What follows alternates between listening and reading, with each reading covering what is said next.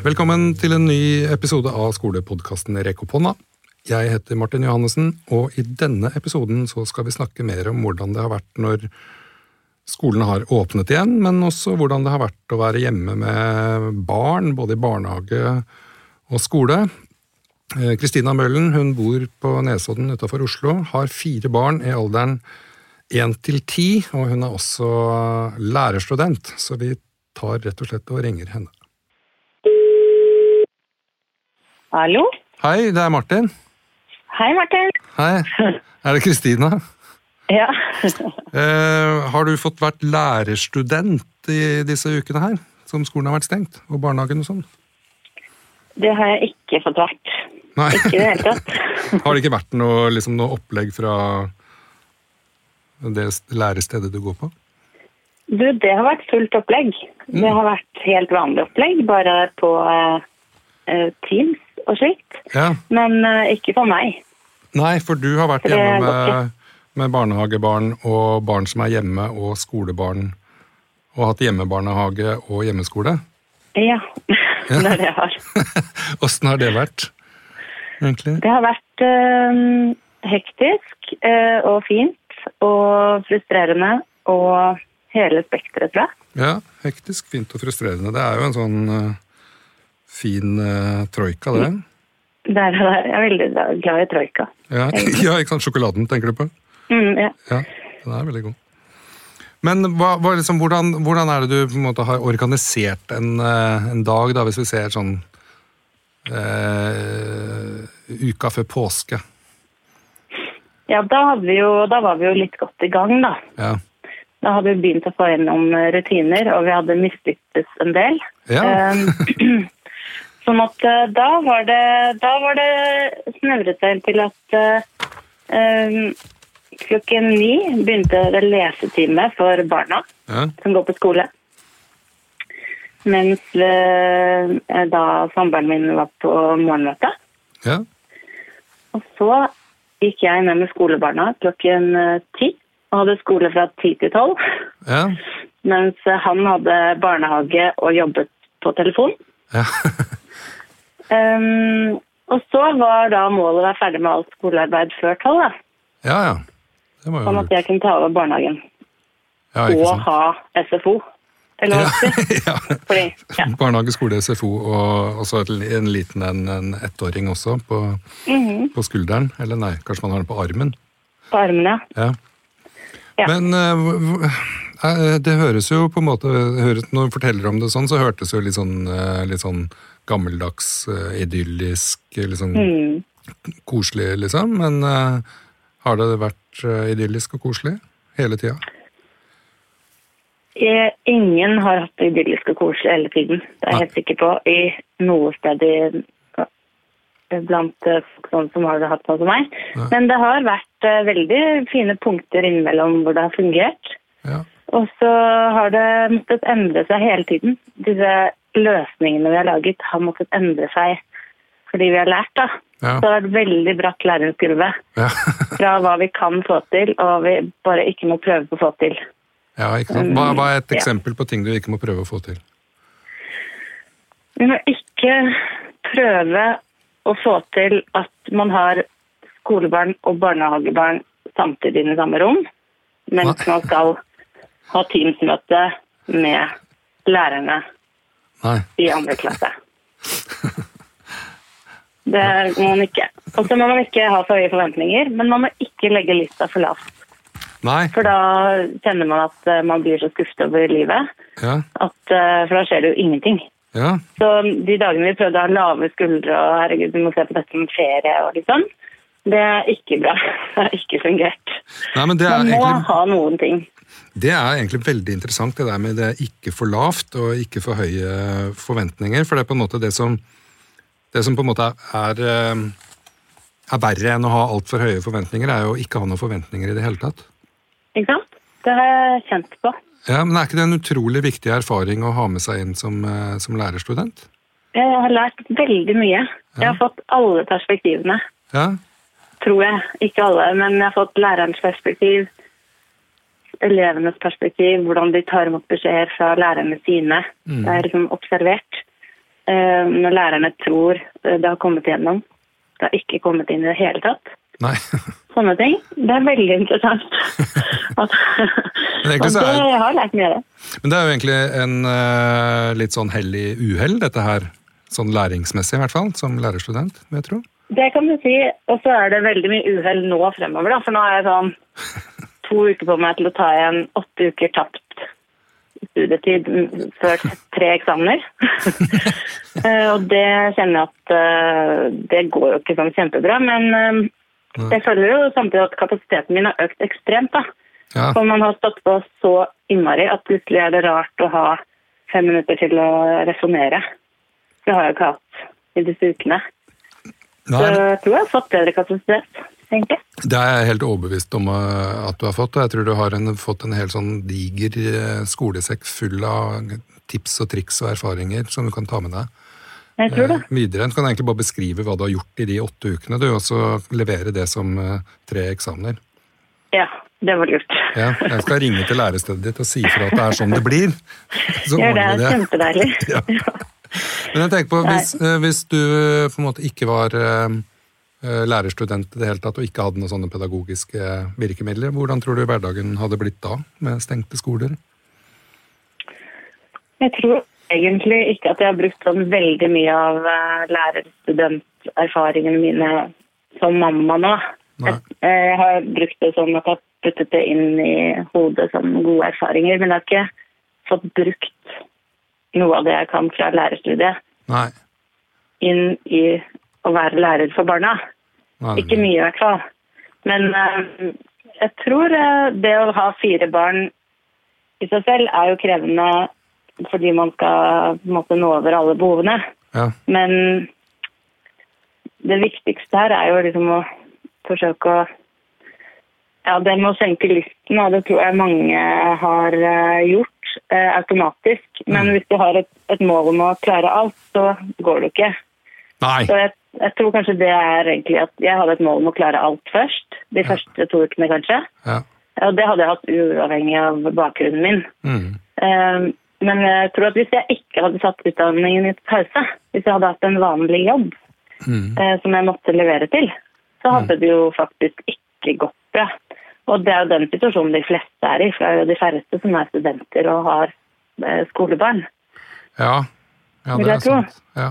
Så, det hadde, så jeg har i hvert fall hatt den eh, roen fordi jeg har kunnet sette det på pause. Mm. Um, og det har gjort at det har vært mulig. Men jeg tror erfaringene hadde vært ganske like om jeg hadde vært lærerstudent eller ikke.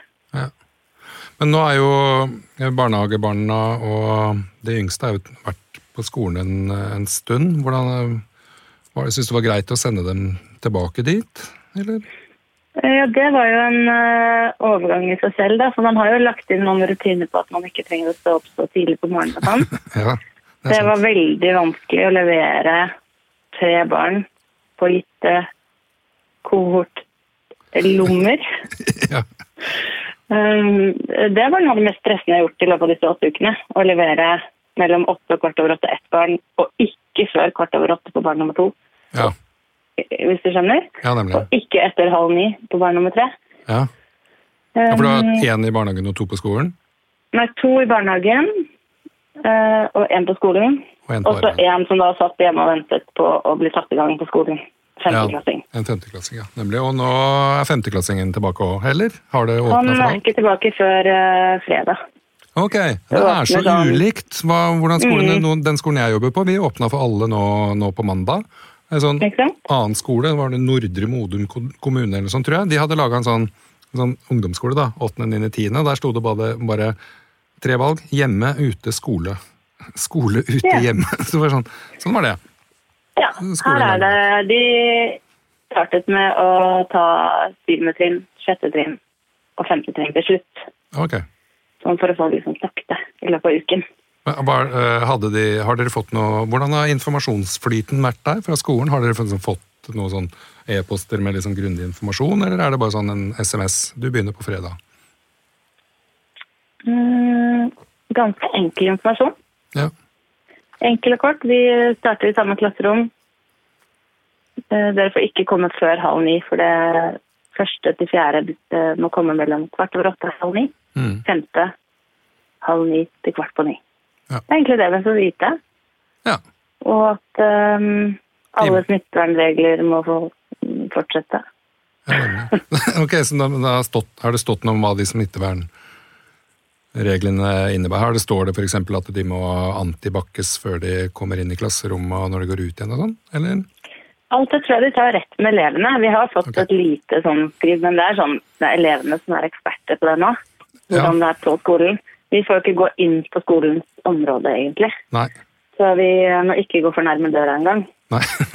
Eh, Men eh, Så det har vi egentlig tatt selv. Det er veldig deilig, kjenner jeg på, når du sa det. Ja, det, ble, nei, men det er veldig sånn uh, forskjellig akkurat hva slags informasjon som skolene har gitt til foreldrene. Mm. Det varierer fra ganske sånn grundig helt ned sånn detaljert til hvor og når de skal vaske hendene, og hvordan, og vasking av pulter og For de skal jo vaske pultene to ganger om dagen, eksempel. Mm. Nei, det har du ikke sagt så mye om. Nei. Det står jo, De har jo lagt ved disse retnings- eller veilederne Ja, eh, i mailene sine. Men vi får veldig mange mail fra alle sammen. Så vi leser det som det står at vi må lese. Ja. Og det andre ligger som vedlegg, egentlig. Ja, men det er nok eh, Ja, det kan jo bli, fort bli eh, for mye informasjon nå.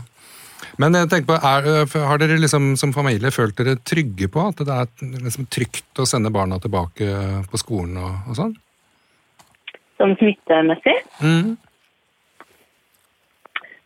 Ja. Ja. Jeg tenker at Det har ikke hatt så mye å si hva skolene har sagt der. Det er mer sånn hva som skjer i media, Ja. som har gjort oss trygge eller mindre trygge. Mm.